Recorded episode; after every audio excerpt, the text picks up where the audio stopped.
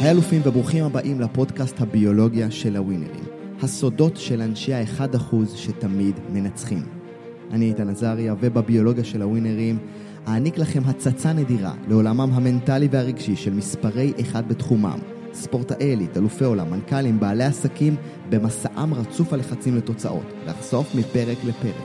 מה נדרש כדי להפוך לבני אדם שלמים במסע להישגים, לווינרים, לא רק על סמך תוצאה או תחרות אחת, אלא במשחק החיים, אלופים מעצם היותכם, בדיוק כפי שנולדתם. והיום אנחנו עם פרק מיוחד וקרוב לליבי. המסע האובססיבי שלי אחר חיפוש כלים למימוש הפוטנציאל האנושי שגלום בנו, בתוך כל אחד מאיתנו, לוקח אותי כל פעם למקום אחר. למסע הפרטי של אנשים מכל העולם, ומתוך החיפוש הזה להבין מהם אותם חוויות חיים שעיצבו אותם, אותם, כיצד הם בנו לעצמם זהות מנצחת ללא תלות בתוצאות. זכרו, המטרה, השליחות של הביולוגיה של הווינרים זה לא איך מנצחים, אלא איך בונים זהות של ווינרים ללא תלות בתוצאה. איך אנחנו יכולים במסע התובעני הזה לתוצאות, למרות הרצון והטירוף והמרוץ להישגים, לבנות את עצמנו כאנשים שלמים כך שלא הניצחון ולא ההפסד הוא זה שבונה אותנו, אלא הערך העצמי שלנו. אלא אותה תחושת שלמות ומלאות ללא תלות בתוצאה. ואני יכול להגיד לכם שקובי בריינט, כן, אחד משחקני הכדורסל המפורסמים, אחד מאגדות הכדורסל הוא ללא ספק אחד המובילים ברשימה הזאת. וכן, תראו, מי מכם שלא מכיר את קובי בריינט, הוא זכה כמעט בכל תואר אפשרי. שתי עונות כמלך הסלים של הליגה, נבחר פעם אחת ל-MVP של העונה הסדירה, ופעמיים ל-MVP של סדרת הגמר. הוא נבחר 15 פעמים לאחת מחמישיות העונה, ו-12 פעמים לאחת מחמישיות ההגנה. הוא הופיע 18 פעמים במשחקי האולסטר של הליגה, וזכה 4 פעמים בתואר ה-MVP של המשחק, שזה שיא של כל הזמנים. וגם בשנת 2014 הוא היה הכדורסלן המרוויח בעולם. מה שנקרא, הישגיו האישיים והקבוצתיים של בריין קיבעו אותו ואת מעמדו כאחד הכדורסלנים הטובים ביותר בכל הזמנים. אבל איך לומר, אם תסתכלו רגע על הצ'קליסט הזה, על הרזומה הזה שככה הצגתי בפניכם כאן, אתם לא צריכים אותי כדי לדעת את זה, כן? את הנתונים הללו אפשר לקרוא גם בגוגל.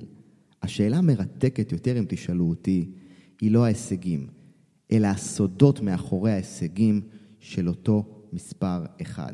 של אותו קובי בריינט, שאפשר לומר שקיבע את עצמו ויצר לעצמו אה, כאחד משחקני הכדורסל הגדולים ביותר שהעולם ידע.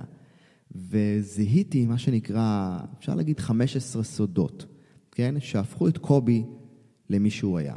שהפכו את קובי לאחד הגדולים. וזיקקתי אותם כאן במשהו כזה, בצ'קליסט, וכל אחד יש לו את, ה, את התובנה שלו ואת הסוד שלו, ואת איך אנחנו יכולים לקחת את זה לחיינו. אז מה שנקרא, ללא הקדמות נוספות, בואו נתחיל. 15 הסודות של קובי בריינט שהפכו אותו לאחד הגדולים. הסוד מספר אחד נקרא לא משחק כדי לא להפסיד וגם לא כדי לנצח. באחד הראיונות נשאל קובי מה מניע אותו יותר, לנצח או לא להפסיד. ולכולם היה ברור מה תהיה התשובה, כן? אז זה קובי בריינט, כמובן, משחק כדי לנצח. אבל אז אחז קובי בריינט במיקרופון ואמר, לא זה ולא זה. ואז הוא המשיך, לא השאיפה לניצחון מניעה אותי, וגם לא השנאה להפסיד מניעה אותי. המראיינת כמובן השתתקה באותו רגע, ואפשר היה לראות מה שנקרא את גלגלי המחשבה של הנעים בראשה בתהייה, מה בעצם הפך את קובי לאחד הספורטאים הטובים בעולם. ואז קובי לקח את המיקרופון ואמר, אני משחק כדורסל כדי לגלות דברים חדשים. ממש כאילו הוא קורא את המחשבות שלה. אני משחק כדי ללמוד משהו חדש. כן, אומר את זה, I play to figure things out. אני מאמין שאם אנחנו משחקים מתוך הפחד להפסיד, או מתוך הרצון לנצח, הוא המשיך, זאת חולשה בשני המקרים. אוקיי? הוא אמר, אני מאמין שאם אנחנו משחקים מתוך הפחד להפסיד, או שהמניע שלנו רק מהרצון לנצח, זאת חולשה בשני המקרים. כי כשאנחנו משחקים מתוך הפחד להפסיד, אז מופעל עלינו לחץ לא לפשל. ואם מניעה אותנו רק הגישה של רק לנצח, לנצח, לנצח, אז גם שם עולה הפחד של, רגע, מה יקרה אם ניכשל?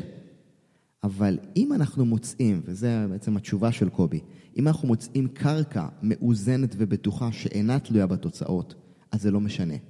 איננו מאוימים מהכוחות הללו, והמשמעות היא שאנחנו מרוכזים ברגע הזה. כשאנחנו לא עסוקים בניצחון או בהפסד, אנחנו מחוברים למשחק, ולא מרגישים דבר מלבד המשימה שניצבת מולנו, שניצבת מולנו. ומסיים קובי את התשובה ואומר, אני משתדל להיות תמיד באיזון הזה. ומה שנקרא, מי שראה את הרעיון הזה, אז יכול לראות את המראיינת, כנראה ישראלית, לא אוכלת את התשובה, אז היא אומרת, קובי, אבל איך הפכת להיות שחקן שלא מפחד להיכשל? וקובי עונה, תראה, כישלון הוא, הוא לא באמת מושג שקיים מבחינתי, זאת אשליה של הדמיון שלנו, עונה קובי בחיוך. אבל נראה ששוב, התשובה שלו לא מספקת את המוח הרציונלי של המראיינת, שפולטת בספונטניות פחד מכישלון באמת לא קיים. וקובי, כמו במגרש, כך בחיים. אפשר היה לראות שהוא ככה הרגיש מחויב, מה שנקרא, לזרוע תשובה שתסדוק את תודעת הפחד שמנהלת כל כך הרבה אנשים, והוא ענה את התשובה הבאה. הוא אומר, בוא, נדבר רגע על סוף טוב של כל אגדה. ואולי דרך זה נוכל להבין למה הפחד מכישלון באמת לא קיים. בהגדה, בוא ניקח את שלגיה. שלגיה מתחתנת עם הנסיך, והם חיים באושר ואושר, נכון? מראיינת אומרת כן. ואז קובי אומר, האמת שזה בולשיט. כי המציאות היא שחודשיים אחרי החתונה הם מתווכחים, והנסיך מסיים את הערב על הספה בסלון. והנקודה, הנקודה היא שהסיפור תמיד נמשך. כלומר, אם נכשלת ביום שני, הדרך היחידה להגדיר את יום שני ככישלון, היא ההחלטה לא להתקדם מהנקודה הזאת קדימה, לא ללמוד ממנה דבר, ולא לנסות משהו חדש ביום למחרת. ולכן, כישלון עבורי מושג שלא קיים. אז היא שואלת אותו, רגע, אתה רוצה להגיד לי שאם לא היית מסיים את הקריירה שלך, מבלי לזכות בתארים אישיים, באליפויות קבוצתיות, לא היית מתייחס לקריירה שלך ככישלון? וקובי, בלי למצמץ, ענה לא. לא, לא הייתי מגדיר את זה ככישלון. כי היו לי חלומות ומטרות שרציתי להגשים. ואם לא הייתי מגשים אותם, הייתי שואל את עצמי, למה לא הגשמתי אותם? כך שמנקודת המבט שלי, הסיבה שלא הגשמתי את היעדים שלי היא מנהיגות חלשה. כישלון ביכולת שלי לתקשר עם חברי הקבוצה, חוסר מוכנות, כל אלה יהיו סיבות לחוסר הצלחה. ולכן אם לא הייתי זוכה בתארים, הייתי מנתח את החולשות האלה. ועצם הטיפול בהן הוא הניצחון. התעלמות מהן היא כישלון אמיתי. ואם תשאלו אותי, הרעיון הזה ככה חושף איזושהי פילוסופיית חיים מאוד מאוד ייחודית, ואפילו מעוררת השראה, שמבטאת את, את, ממש את חייו של אלוף שאינו תלוי בלוח התוצאות. והסוד הראשון בעצם אומר שקובי לא שיחק כדי לנצח, זאת אומרת, הדרייב לא היה אך ורק ניצחון, והוא גם בכלל לא היה ההימנעות מההפסד. היה איזשהו drive גבוה יותר. ה drive הגבוה יותר היה לשחק כדי לחוות, כדי ללמוד, מה שנקרא כדי לבטא את עצמו כל יום מחדש. ואם זה לא קרה, אז הוא לא הרגיש באמת שהוא התקדם. ולכן נוכל לקחת את זה אלינו, שיש המון רמות ש... או המון מניעים שבגינם אנחנו עושים את מה שאנחנו עושים. וכשאנחנו במרדף לתוצאות, המניע, ה drive הזה, הכוונה הפנימית שבגינה אנחנו עושים את מה שאנחנו עושים, יש לה כוח נורא נורא עצום. למה? כי אם אנחנו משחקים כדי לא להפסיד, אנחנו נשחק בהססנות, בפחד, אנחנו נשחק כדי לא לטעות. מצד שני, נשחק רק כדי לנצח, אז כשלא לנצח, אז מה יקרה? נגיד, רגע, שנייה, לא עמדנו ביעד. או כשננצח, אז מה שיקרה, רק הרף יעלה.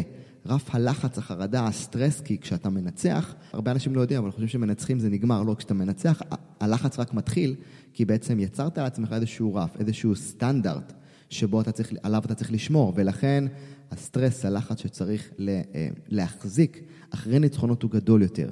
אבל אז קובי בא ואומר, בשני המקרים האלה זה חולשה. אז אם נשחרר את הצורך לנצח ונשחרר את הצורך לא להפסיד, נוכל למצוא מניע חזק יותר. והמניע החזק יותר הוא ללכת לכל משחק כדי לחתור לגלות את גבולות הפוטנציאל האמיתי שלי. ללמוד כל פעם דברים חדשים, וזאת ההתקדמות האמיתית. ו... ו... וכשקובי אמר את זה בריאיון, איך יכולתי להרגיש שיש פה איזושהי פילוסופיית חיים מאוד מאוד ייחודית, כן? ומעוררת השראה, שבאמת מבטאת חייו של אלוף, שלא תלוי בתוצאות. אבל עדיין משהו בתוכי תהה. מהו הבסיס המנטלי שעליו נשענת התפיסה הזאת? מאין קובי ספג חינוך שכזה שאפשר לו לפתח מנטליות כזאת עוצמתית? וזה הוביל אותי לסוד השני. הסוד השני נקרא אהבה ללא תנאי וללא תלות בתוצאה.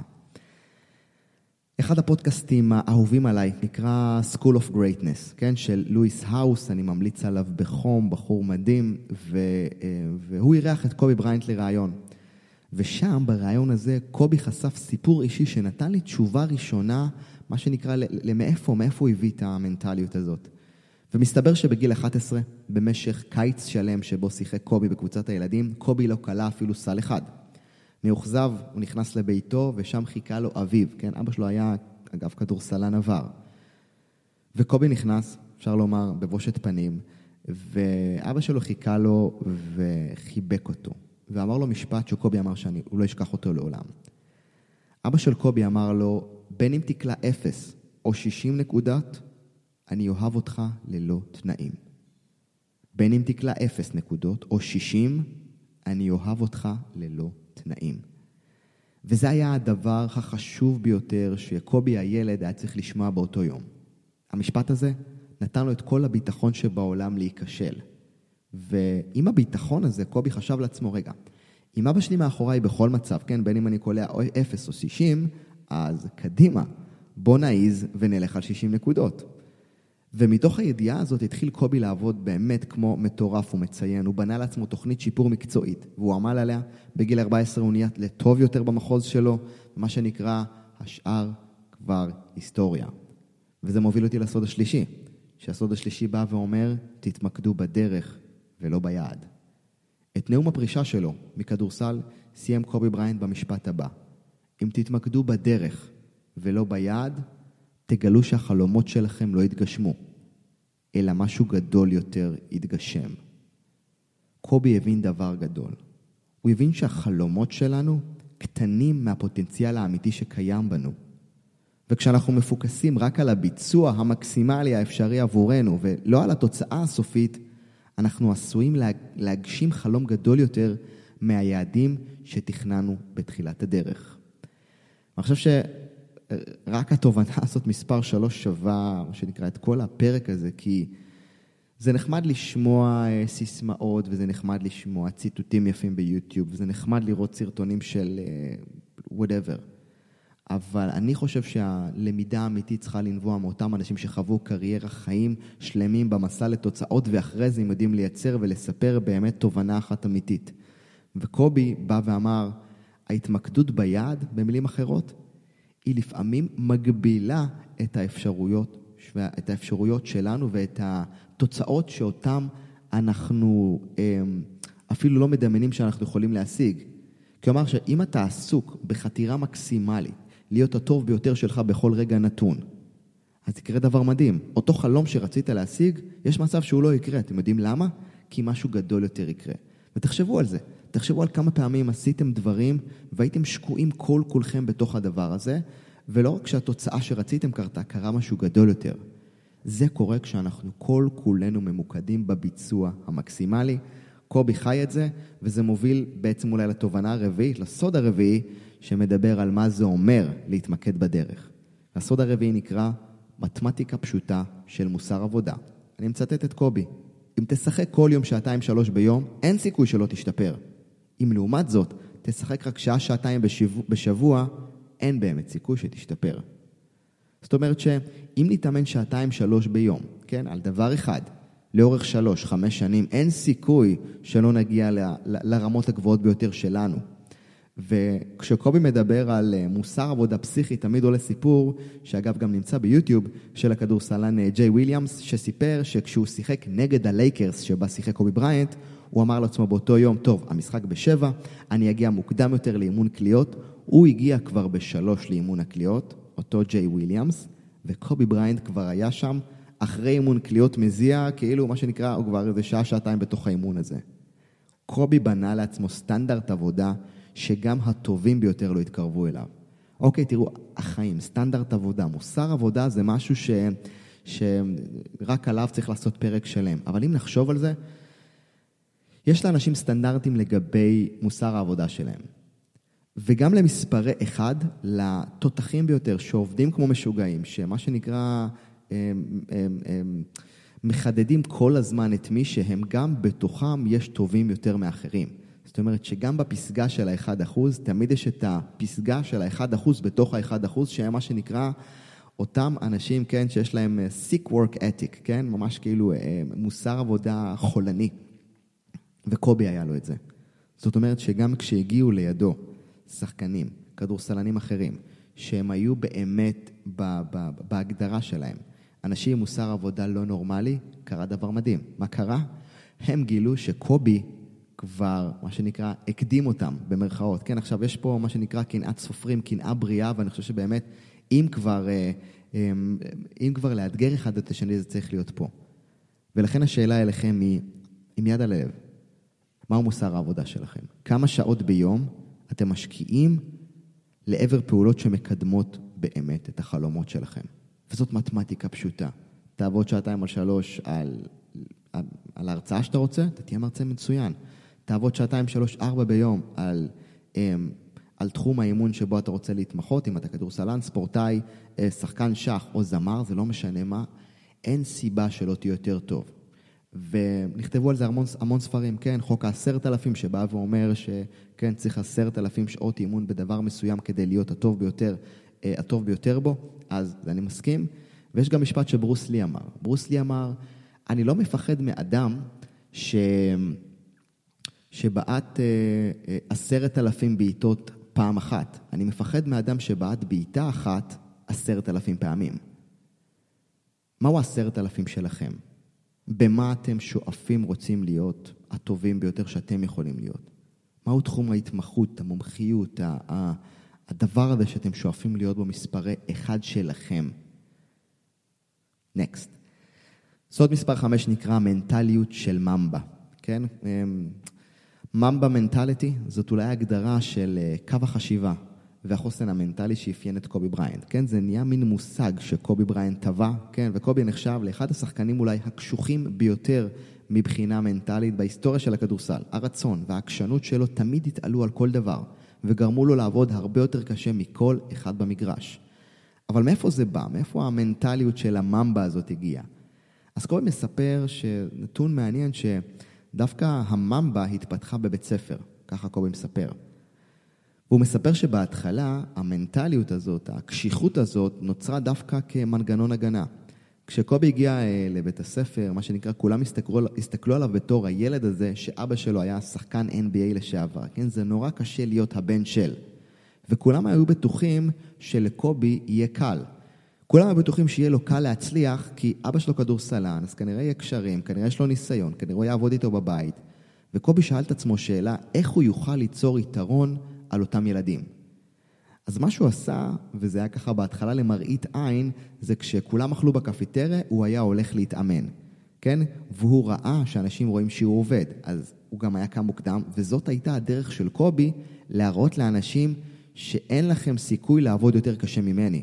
זאת אומרת, אתם יכולים לדבר על אבא שלי, אתם יכולים להדביק תוויות, אבל בדבר אחד אין לכם צ'אנס, וזה הדבר שלי, הדבר שבשליטתי, הדבר שעליו, מה שנקרא, אני שם את החותם שלי, וזה מה?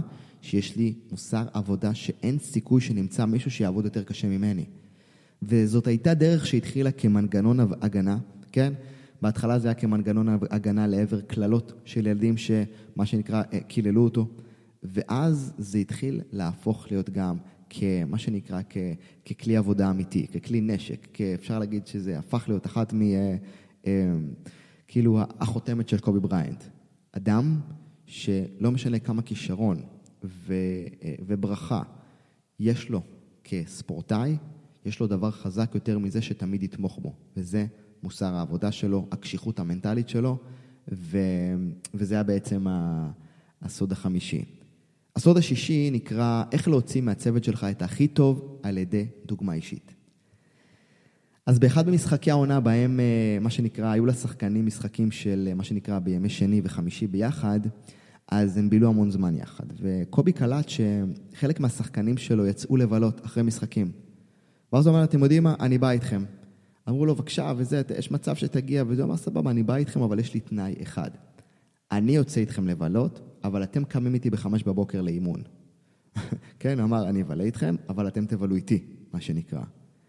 אז uh, הם הסכימו, כי הם נורא רצו שקובי יבוא איתם, והם הלכו לחדר כושר, הם התאמנו. הם הלכו למשחק והם היו גמורים. למה? כי הם הבינו שאם רוצים באמת לעבוד בקצב עבודה גבוה, אי אפשר גם להתאמן בחדר כושר, להופיע למשחקים ולהיות בשיאם, וגם מה שנקרא לצאת לבלות ולשתות. אז הם למדו את הלקח, כמו שקובי אמר, ולכן קובי בא ואמר להם, אל תשכחו למה אנחנו פה. וזה גרם לאותם שחקנים לאותם חברי קבוצה שלו, להבין שאם קובי, כן, שהוא היה גדול מהם, גדול מהם בגיל באותה תקופה, מסוגל לעשות את זה, ולקום מוקדם בבוקר, אז גם הם צריכים להביא את אותה אנרגיה. ויוצא לי לעבוד לא מעט עם מנהלים, עם ארגונים, עם בעלי עסקים, ואחת השאלות שאנחנו תמיד שואלים זה, האם אתם האנשים שאתם רוצים לראות בעובדים שלכם? זאת אומרת, האם אתם מביאים את האנרגיה, האם אתם מביאים את הביצועים, האם אתם מביאים או משמשים כמקור השראה ודוגמה בדיוק כמו שאתם רוצים שהעובדים או הצוות שלכם יהיה? זאת שאלה טובה, כי אני חושב שמה שקובי הציג כאן, זה שהדרך הכי טובה להוציא מהצוות שלך הם, הם, הם ביצועים, חיבור, אמון, עבודת צוות אמיתית, זה להפוך להיות באמת חלק מהם, ולהראות להם מה זה בעצם אומר להיות דוגמה אמיתית. ואני חושב שקובי עשה פה איזשהו מהלך מדהים שאפשר לקחת וליישם אותו בכל מקום. כהורים מול הילדים שלנו, כמנהלים מול אנשי הצוות שלנו, מול העובדים שלנו, ובטח כמאמנים מול השחקנים שלנו. ואפרופו מאמנים, סוד מספר 7 נקרא חשיבות הבנת הפסיכולוגיה לעבודה עם קבוצה. קובי מדבר על זה שאינדיבידואלי זה טוב, אבל לא כמו קולקטיבי. קובי מספר שמאמן הכדורסל האגדי פיל ג'קסון אה, היה קורא כל פיסת מידע על השחקנים שלו, וזה נתן לו מידע והבנה באמת מלאה של מה מניע אותנו. וקובי סיפר שם על איזשהו מהלך של פיל ג'קסון, שאני אספר אותו כאן ותיקחו את זה לאיך שאתם רוצים. שקיל אוניל אה, היה פצוע באותה תקופה, כן? גם אחד מאגדות הכדורסל, וכששקיל אוניל היה פצוע, קובי לקח את המושכות. לקח את המושכות, הוביל וסחף את הקבוצה, ואז שקיל אוניל חזר. וכששקיל אוניל חזר, פיל ג'קסון הזמין את קובי בריינט לשיחה, ואמר לו שהוא רוצה להחזיר אותו קצת לספסל. קובי, שמה שנקרא, לקח את המושכות, הוביל את הקבוצה, שאל אותו, אבל למה? ואז פיל ג'קסון אמר לו, אני רוצה להוריד אותך קצת לספסל, כי אנחנו רוצים לזכות באליפות. ואם אתה תמשיך להוביל, אנחנו נפסיד את שקיל. ויש פה, אני חושב, איזשהו, אה, אה, איזושהי הבנה שכשמשחקים לטווח ארוך וכשרצים, ואז אחד הדרכים או אחד הדברים שאנחנו רוצים להבין בטח מהמקום הזה, הוא איך אנחנו לא מפסידים אף אחד בדרך, או איך אנחנו מצרפים לדרך את כל הכלים הכי טובים שיש לנו במהלך, אה, במהלך עונה או במהלך חיים. וזה אומר שכמנהלים, כמאמנים, אנחנו רוצים לראות איך אנחנו יוצרים באמצעות אה, הבנה של כל השחקנים שלנו, של כל הצוות שלנו, איך אנחנו באמת מכירים כל אחד ואחד מהם הכי טוב, ואיך אנחנו יודעים להשתמש בכל אחד מאותם אנשים שבצוות שלנו בצורה הכי טובה. במקרה הזה פיל ג'קסון, כן, עליו גם אפשר לעשות רק פרק שלם, הבין דבר אחד, שאם הוא לא יחזיר את שקיל אוניל, אז יש מצב שהקבוצה תרוץ טוב, אבל היא לא תרוץ הכי טוב שיכולה להיות. הוא הבין שהוא צריך להכניס ולהחזיר, מה שנקרא, להחזיר לעניינים את שקיל אוניל, שחקן אה, כאילו, מה שנקרא, מן המניין, אבל לא עוד שחקן. ומה שהוא עשה, וקובי בריינט מספר שהוא בהתחלה קצת התאכזב, זאת אומרת, מה זאת אומרת, אני נתתי את כל כולי, אני מוביל את הקבוצה, אתה רוצה להוריד אותי קצת לספסל, אבל התובנה הגדולה כאן היא שאני מוריד אותך קצת לספסל כדי להרוויח את כל הקבוצה. ושם קובי בריינט הבין uh, תובנה נורא נורא גדולה, והוא מאז, מה שנקרא, אה, קורא לפיל ג'קסון גאון, כי זה באמת היה מהלך גאוני. וכשהוא הבין את זה, אז, אז שקיל אוניל חזר, ואז, מן הסתם קובי גם חזר למשחקים, והם שיתפו פעולה מן הסתם טוב יותר, ובאמת התובנה הזאת באה לה, להגיד משהו שיש משפט שאומר שאם אתה רוצה להגיע לבד, תלך מהר, אם אתה רוצה להגיע רחוק, תלך יחד. כן? ו- והמשפט הזה בעצם מייצר איזושהי תובנה של כדי להגיע רחוק, אנחנו רוצים להרוויח את כולם. וזה מה שקרה כאן, והרעיון הוא להבין ברמה הפסיכולוגית כל שחקן ושחקן, כל אדם ואדם בקבוצה, כי כך ניתן לייצר דרך ארוכה יותר ומצליחה יותר, אז כל אחד מאיתנו יכול לשאול, האם אני באמת מכיר את אנשי הצוות שלי? האם אני באמת מכיר את כל השחקנים שלי? האם אני באמת מכיר את המשפחה שלי בצורה טובה, בצורה מלאה, ואני יודע אה, לבנות מהמרקם המשפחתי הזה צוות אמיתי שכיף לו לנוע ביחד. וזאת שאלה טובה, שככה שווה לפתוח כאן. נקסט, סוד מספר 8, איפה הכסף זאת השאלה הכי גרועה לשאול כשאתה פורש מהמשחק. תראו, האתגר הכי גדול של ספורטאי שפורש זה מאיפה להתחיל, כן? על איזה הר להתחיל לטפס מלכתחילה. ומה שעזר לקובי להתחיל, אה, מה שנקרא, לחשוב על החיים אחרי הכדורסל, זו הייתה הפציעה שהוא עבר בגיד אכילס. ושם ברגע הזה קובי הבין, וככה אני מצטט, שהיום זה יכול להיות היום שאתה תפרוש, היום שבו הקריירה שלך נגמרה. ואם היום הזה היה עכשיו, מה היית הולך לעשות? ככה קובי חווה איזושהי פציעה, ומה שנקרא על שולחן, ה, ה, לא על שולחן הניתוחים, אבל שבישרו לו על, ה, על הפציעה הזאת, הוא אמר, שנייה רגע, יש מצב, ש, יש מצב שזה נגמר.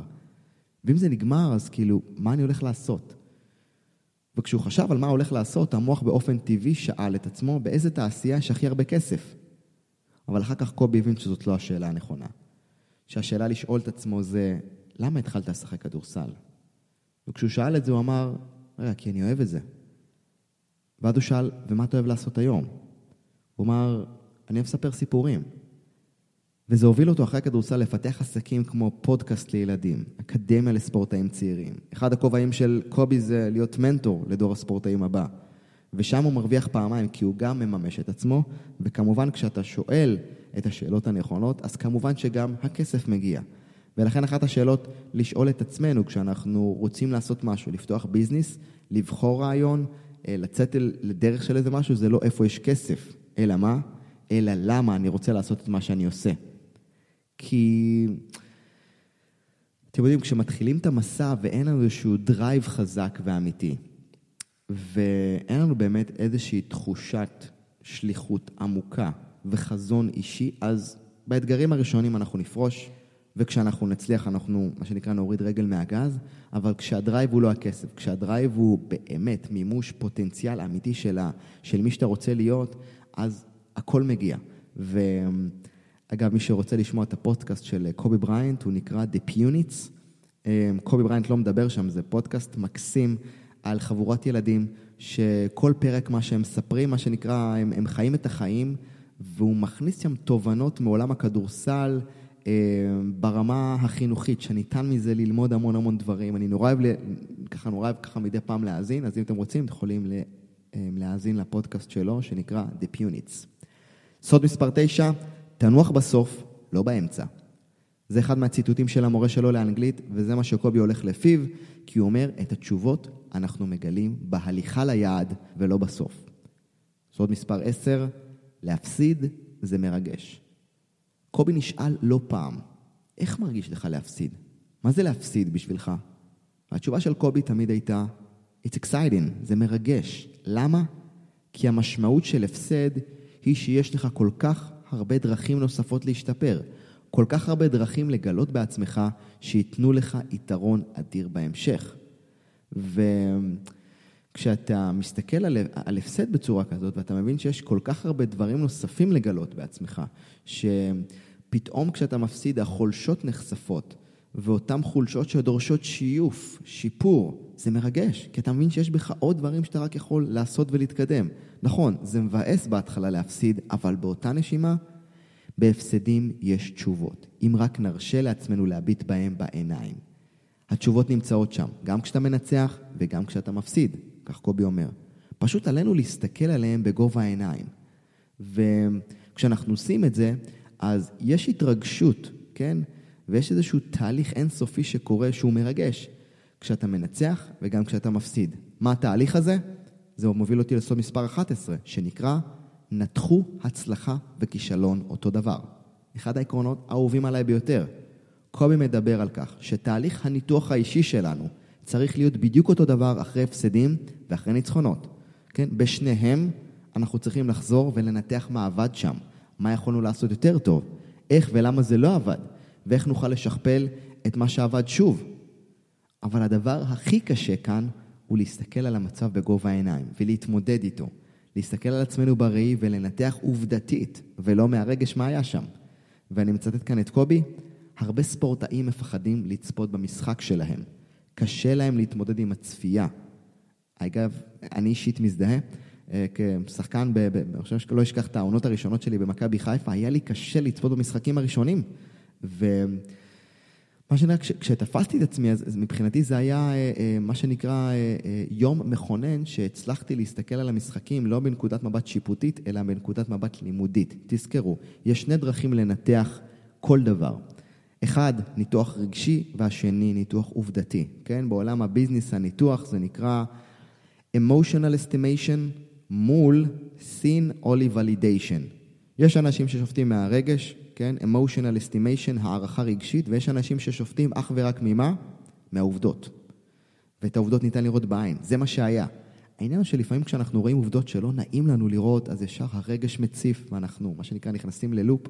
ומצד שני, כשאנחנו מסתכלים על, ה, על אה, סתם לדוגמה, על איזשהו קמפיין, ואנחנו מסתכלים עליו בגובה העיניים, מסתכלים לפי העובדות, אנחנו יכולים לראות שבואנה, זה, זה... אז עשיתי קמפיין, עשיתי השקה לספר, עשיתי השקה של מוצר, עשיתי השקה של הרצאה, והיא עבדה מצוין, נהדר, בואו נראה מה עבד. אבל אם היא לא עבדה טוב, אני רוצה ללכת ולהסתכל שוב על המספרים. המספרים תמיד יספרו לנו את האמת. אבל כשאנחנו, מה שנקרא, רוצים לנתח כישלון, פתאום הרגש צף, ואנחנו פתאום מרגישים זה לא נעים, ואנחנו לא יכולים באמת לקלוט וללמוד מה ניתן לעשות כדי להשתפר. ולכן אנחנו רוצים לנתח הצלחה וכישלון אותו דבר, כן? לא לעוף על עצמנו בהצלחה, וגם כשאנחנו נכשלים, או יש לנו איזשהו אה, רגע, יום, עבודה, פגישה, משהו שלא עבד כמו שצריך, בואו נבין למה, אבל לא מתוך מה שנקרא גינוי עצמי ושיפוט, אלא באמת להסתכל על זה בגובה העיניים. שזה מוביל אותי לסוד מספר 12, שנקרא כנות ברוטלית. וזה הסוד גם של ביונסה. קובי בריינט צפה בכל משחק שלו. כן, אנחנו מדברים על התקופה עוד שהיו קלטות טייפ, כן, זה, הוא מספר על זה, היינו מרימים את הטלוויזיה לתוך, ה, לתוך המשרד, מכניסים את הטייפ, לוקחים, זה לא כמו היום עם האייפדים, אבל הוא אמר שהכנות הברוטלית הזאת עזרה לי ללמוד להסתכל על הפרטים הקטנים, על שפת הגוף שלי, על האנרגיה שלי בין השחקנים, על הטקטיקה ואיך היא באה לידי ביטוי, אומר, ראיתי משחקים ממש כמו סרט רץ, וזה אפשר לי להגיע למשחקים שבהם כבר המוח שלי ראה מהלכים מראש. כי מרוב שראיתי את המשחקים וכבר הבנתי, אז מה שנקרא, המוח כבר קולט ומכיר את הסיטואציה, והוא יודע לפעול טוב יותר ברגע האמת. וכאן זה הזמן לספר שגם ביונסה, מיד אחרי הופעה, פותחת אייפד ומנתחת את עצמה, וחושבת איך לשפר. זה מה שנקרא, זה אובססיה לשלמות מצד אחד, אבל מצד שני עם קבלה עצמית, שלא תוכל להיות מושלם. אני אחזור על זה. זאת אובססיה לשלמות עם קבלה עצמית שלא תוכל להיות מושלם. שלמות זה הטוב ביותר האפשרי, כן? והמושלם זה חסר פגמים שזה לא ריאלי. ולכן השאיפה לשלמות, השאיפה להיות הטוב ביותר האפשרי, היא בעצם השאיפה שמניעה את קובי. וכשאנחנו עושים ניתוח, אז מצד אחד אני שואל את עצמי, טוב, איך יכולתי להיות יותר טוב כאן? אבל אני גם מקבל את עצמי שלא הייתי כזה. זה מין איזון כזה בין מצד אחד להסתכל על מה יכולתי לשפר, מצד שני, לא לרסק את עצמך נפשית ולהזדהות עם התוצאה כשהיא לא הייתה טובה. סוד מספר 13, לקום ב-4 בבוקר לחדר כושר. זה הסוד, לקום ב-4 בבוקר לחדר כושר. קובי, גם היום, אחרי שפרש, קם ב-4 בבוקר, אפשר להגיד 4 לפנות בוקר לחדר כושר, ושאלו אותו, תגיד, קובי, יש לך הכל, תארים, אוסקר, כאילו תהילה, הם, כסף. למה לך לקום מוקדם כשיש לך את הכל? התשובה של קובי הייתה שזה תמיד האתגר לחזור לכושר עבורי, זה אתגר אדיר. כן? כי כשאתה, הוא אומר, כאילו, כשאתה שם את יעד הכושר כמטרה, אז אין באמת מטרה סופית. וזה תמיד, וזה יום-יום. אז רציתי לכוון תמיד למטרה, למשקל, להיות מודל לחיקוי גם כאן עכשיו. אבל אז הוא מספר את התשובה האמיתית. כי רציתי לדעת ורציתי להבטיח שאוכל ללמד את הילדים שלי מהי המשמעות של עבודה קשה. זוכרים את הסוד על עבודת צוות? זוכרים את הסוד על לתת דוגמה לצוות שלך? אז הוא מספר שהבת שלו, אה, בת 15, באה איתו לחדר כושר לפני בית ספר, לפחות 4-5 פעמים בשבוע, ודרך ההתנהגות הזאת, דרך החינוך הזה, הוא מייצר לה ערך חיים נצחי שנקרא 1. מוסר עבודה, שתיים, ספורט, שלוש, הערכים שהוא מקנה לדרך הדבר הזה יישארו איתה לכל החיים. ולכן הוא כבר לא קם בארבע לפנות בוקר רק בשבילו, אלא הוא קם כדי להיות מודל לחיקוי. סוד מספר 14, אהבה ככוח לעבור הכל. מהי אהבה עבורך? נשאל קובי. התשובה הייתה פשוטה, אבל עמוקה. קובי אמר שבשבילו אהבה זה מסע יפהפה, שיש בו עליות וירידות, בין אם זה נישואים או קריירה. זה לא מושלם אף פעם, אבל דרך אהבה אתה מנצח כל מכשול ומתקדם, מתגבר ומתקדם.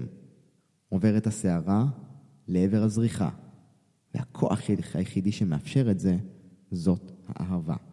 ובנימה זו נסיים עם סוד מספר 15, ההגדרה של קובי לגדולה. כן, גדולה, greatness. שאלו את קובי, מהי עבורך גדולה? והוא ענה, עבורי גדולה זה לעורר השראה באנשים שלידך. אחת השאלות שאני שואלת את, את עצמי תמיד זה איך אני יכול לעורר השראה בעוד אדם, ועוד אדם, ועוד אחד. כי אני יודע שכשאני עושה את זה, זה נשאר לנצח. וקובי מסיים ואומר שעלינו לברר בתוך עצמנו, כן? איך באמצעות הסיפור שלנו, החיים שלנו, נוכל לעורר השראה באנשים כדי שהם גם הם יוכלו לחיות את הגדולה שלהם. אז עד כאן הפרק של קובי אה, בריינט, היה לי נורא נורא כיף, מקווה שגם אתם נהנתם. אה, אני חושב שאין אחד מאיתנו שלא ראוי לקבל את, ה, אה, את הגישה הזאת, להכניס אותה לחייו. כולנו ראויים לחיות את החיים ככה, לעורר השראה, להעביר אנשים למצב שבו הם מגשימים ומיישמים ומביאים את הטוב ביותר שלהם דרך הבנת הפסיכולוגיה שלהם. כולנו רואים לשחק מתוך מניע אחר, לא מתוך השאיפה לניצחון ולא מתוך הפחד להפסיד, אלא מתוך חתירה מקסימלית לביטוי עצמי של מי שאנחנו. כי כל עוד אנחנו יודעים שאנחנו עולים למשחק, יורדים ממנו, ויודעים שהיינו כל כולנו שם, עם מוסר עבודה חולני, כן, שהתמקדנו בדרך ולא ביעד, שלאחר המשחק, לאחר היום, לאחר יום הפגישות, לאחר יום העבודה, לא שפטנו את עצמנו על סמך התוצאה, אלא בדקנו את הביצוע. וכשאנחנו מנתחים, מנתחים ניצחון והפסד אותו דבר, אנחנו מייצרים לעצמנו הרגל של אלופים, שבא ואומר, אני שמח מהניצחון, אני לא מזדהה איתו, כי אני שואף תמיד, מה שנקרא, לחתור לביצוע מקסימלי גבוה יותר. אני חושב שאם ככה ניקח, וכל אחד מאיתנו יוכל ככה להסתכל, אגב, יהיה לכם את, ה, אמ, את, כל, ה, את כל הסעיפים, את כל הסודות מתומללים אה, באתר שלי. אתם יכולים להיכנס לאיתנעזריה.coil, E-I-T-A-N azaria.co.il ולקבל שם ממש את כל הסודות הם, הם כתובים, מתומללים בצורה מסודרת. ומה שהייתי ככה רוצה להציע לכם זה לבחור סוד אחד. סוד אחד שממש ממש נגע בכם, תפס אתכם. סוד אחד שאתם אומרים, איתן תקשיב, אם, אם אני אקח את הסוד הזה ויישם אותו במשך 30 יום, חיי ישתנו, נקודה. ואת הסוד הזה הייתי רוצה שתכתבו לכם על פתק, באייפון, בטלפון, על דף, על מסכים, על פתקים, תעשו פוסטרים, מה שאתם רוצים. תבטיחו שזה יהיה מולכם מול העיניים, תקראו אותו שלוש פעמים ביום, תיישמו אותו שלושים יום, ותראו שחייכם השתנו נקודה. כל אחד כמובן צריך לבחור את הסוד באופן כזה שכשהוא קורא אותו הוא מרגיש איזושהי התפעמות פנימית, כן? משהו קורה לכם בפנים, בתחושת הבטן, בלב, אתם מרגישים איזושהי התרגשות, איזושהי התפעמות, איזושהי אפילו שמחה או אפילו איזשהו רעד בתוך הגוף שבא ואומר, וואו, אם בזה אני מתמקד, וואו, אני, אני יכול לראות את חיי נעים, מה שנקרא, ואת קצב השגת המטרות שלי יואץ משמעותית, וזה מה שנקרא ה, ה, המשימה הקטנה שלי אליכם. סיירו אלופים, אז אני מקווה שנהנתם. אה, כרגיל, אתם יכולים לכתוב לי אני ממליץ וככה רוצה להזמין אתכם לשתף את הפרק הזה עם כל חבר, חברה, בן משפחה, קולגה, אמ, שאתם יודעים שאם הוא יאזין לפרק הזה, והוא אם ייקח עיקרון אחד, כן? מתוך 15 העקרונות שנתתי כאן, חייו השתנו לטובה. אני חושב שזאת המתנה שאנחנו רוצים להעניק הלאה, זאת לפחות אחת המשימות שלי בפודקאסט הזה, להנגיש לכם בצורה הכי פשוטה שיש. הצצה אמיתית לתוך עולמם המנטלי והרגשי של מספרי אחד, זכרו. מספרי אחד זה לא אלה שמנצחים עושים כסף ומה שנקרא אין להם משפחה, או שהם לא מדברים עם האנשים שלהם, לא. אלופים אמיתיים זה אותם אנשים שחיים את היומיום בחתירה מקסימלית לביטוי עצמי בסך כל מערכות היחסים של חייהם. בכל מקום שהם נמצאים, בכל ממשק, בכל מפגש שהם שואפים להיות הטובים ביותר. ניהול האנרגיה שלהם כל כך כל כך חזק, החוסן המנטלי שלהם כל כך כל כך חזק שהם יודעים להיות נוכחים בכל רגע ורגע, וזה אימון, כן? זה אימון חיים שאנחנו ראויים לחיות ולהטמיע אותו בחיינו. אז uh, תודה אלופים, הביולוגיה של הווינרים, אני הייתי איתן עזריה ואנחנו ניפגש בפרק הבא. צ'או.